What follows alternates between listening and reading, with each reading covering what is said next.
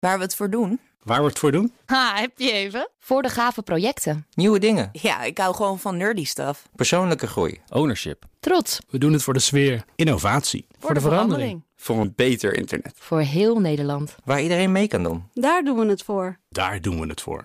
Waar doe jij het voor? Kom werken voor KPN en groei op jouw manier. Check de actuele vacatures op het gebied van data, security, development en networking op jobs.kpn.com/tech. Oké. Wetenschap vandaag.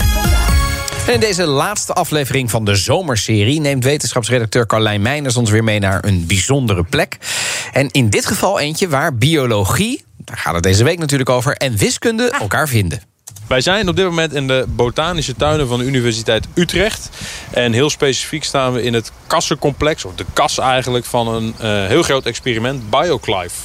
Ja, ik, ik zie om me heen bakken met gras. Ja, ja, een hele goede, goede manier van kijken inderdaad. Het zijn 352 containers met Zo. allerlei verschillende soorten. Dus het lijkt misschien alleen maar gras. Maar het is niet alleen maar gras. Dus er staan ook kruiden in. Uh, misschien hoor je op de achtergrond ook her en der wat geluid. Dat zijn onze studenten die hier hard aan het werk zijn binnen hun eigen projecten. Er wordt Ehm, gesnoeid. er wordt gesnoeid inderdaad. Ja, dat moet ook elk jaar weer gebeuren. Het is namelijk een heel groot experiment. Waarin we proberen te begrijpen wat klimaatsverandering eigenlijk gaat doen. Of wat het mogelijk kan gaan doen met onze vegetatie. Dus met onze systemen. En vice versa. Hoe die systemen ons kunnen gaan helpen misschien. Om juist die veranderingen deels te mitigeren. Om daar dus iets aan te doen. Niet aan de verandering zelf, maar aan de effecten. Ja, en dus die, al die bakken, al die containers, sorry, zijn nodig om allerlei verschillende situaties eigenlijk te kunnen bekijken. Inderdaad, dus we hebben hier 352 Ja, ja, ja. verschillende containers inderdaad. Geen bakken, containers. Sorry, ja. Ehm, en in die bakken, hè, in die containers, hebben we dus verschillende, hebben we verschillende eh, behandelingen, zoals wij dat noemen. Ja.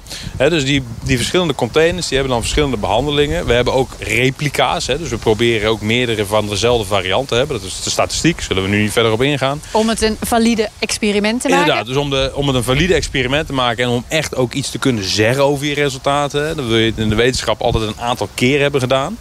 eh, zodat je dat statistisch kunt gaan uitrekenen... of dat daadwerkelijk een goed resultaat is. En hoe betrouwbaar dat is. En wat we hier doen is, we hebben... Aan de ene kant hebben we verschillende behandelingen met betrekking tot de biodiversiteit. Dus we hebben monoculturen. Er staat maar één soort in, één soort plant. Ja. Eh, we hebben dan ook andere eh, containers, er staan er eh, vier in, of er staan acht soorten, of twaalf soorten in. En dan hebben we nog verschillende behandelingen met betrekking tot het klimaat. We, we denken dat we een, een redelijk goed beeld hebben van hoe het klimaat in Nederland eruit gaat zien. Want wat we hier nagebootst hebben is een Nederland. Nederlands grasland. Nederland bestaat voor ongeveer 30% uit grasland. Dat is ook een van de hoeveelheid. flinke hoeveelheid. Dat is ook een van de redenen waarom we dit systeem hebben gekozen. Ehm, en dit is overigens niet een experiment vanuit de botanische tuinen. Dit is vanuit de groep Ecologie en Biodiversiteit. Maar wij faciliteren dat in termen van de ruimte. Ik ben er zelf ook wel bij betrokken bij het experiment. Ehm, en wat je eigenlijk probeert te doen is in die verschillende diversiteitsbehandelingen...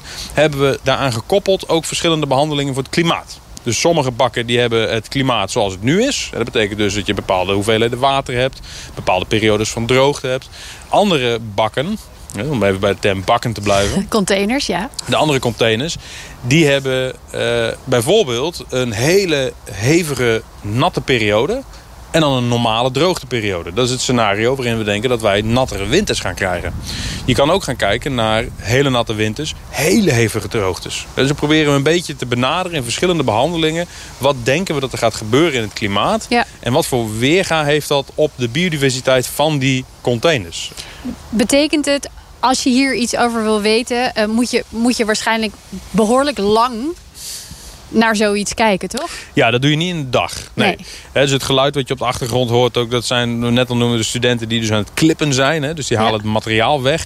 Je meet eigenlijk elk jaar weer. Hoe goed groeien ze bijvoorbeeld? Wat gebeurt er met het bodemleven? Wat gebeurt er met de drainage van die bakken? Dat moet je natuurlijk jaarlijks gaan doen. En je wilt het ook gaan bekijken, bijvoorbeeld net na zo'n winter. Die we dan simuleren. Of net na zo'n hele droge zomer. En het idee is dat het experiment minimaal zo'n 15 jaar Zo. gaat lopen. Ja, dat is lang. Dat is heel lang, ja. Ja, en wat, wat hoop je voor antwoorden te kunnen vinden in die periode? We hopen beter te begrijpen hoe vooral de relatie is tussen biodiversiteit en bijvoorbeeld die klimaatsverandering. Want dat is natuurlijk typisch iets wat je ook over langere periodes moet gaan bekijken. We weten al heel erg veel, maar we hebben dat nog niet vaak over die hele langere periodes bekeken. En dat is natuurlijk wel nodig, die informatie. We weten bijvoorbeeld uit eerdere modellen of uit theorieën van nou, hoe zouden ze kunnen gaan reageren. We weten dat bijvoorbeeld uh, graslanden met een hogere diversiteit zijn robuuster in een zeker opzicht. Omdat je wat opvang kan hebben, omdat je verschillende soorten hebt. Die bloeien misschien niet allemaal op dezelfde tijdstip. Nou, Er zijn allerlei verschillende relaties die je daarbij kan bedenken. En die je ook kan toetsen. En wat we hier eigenlijk doen is we proberen een soort ja, mini-ecosysteem te modelleren. Maar dan echt met een experiment. En dan kijken van wat gebeurt er nou eigenlijk. En een soort van graslanden van de toekomst ben je eigenlijk hier aan het nabootsen. Ja.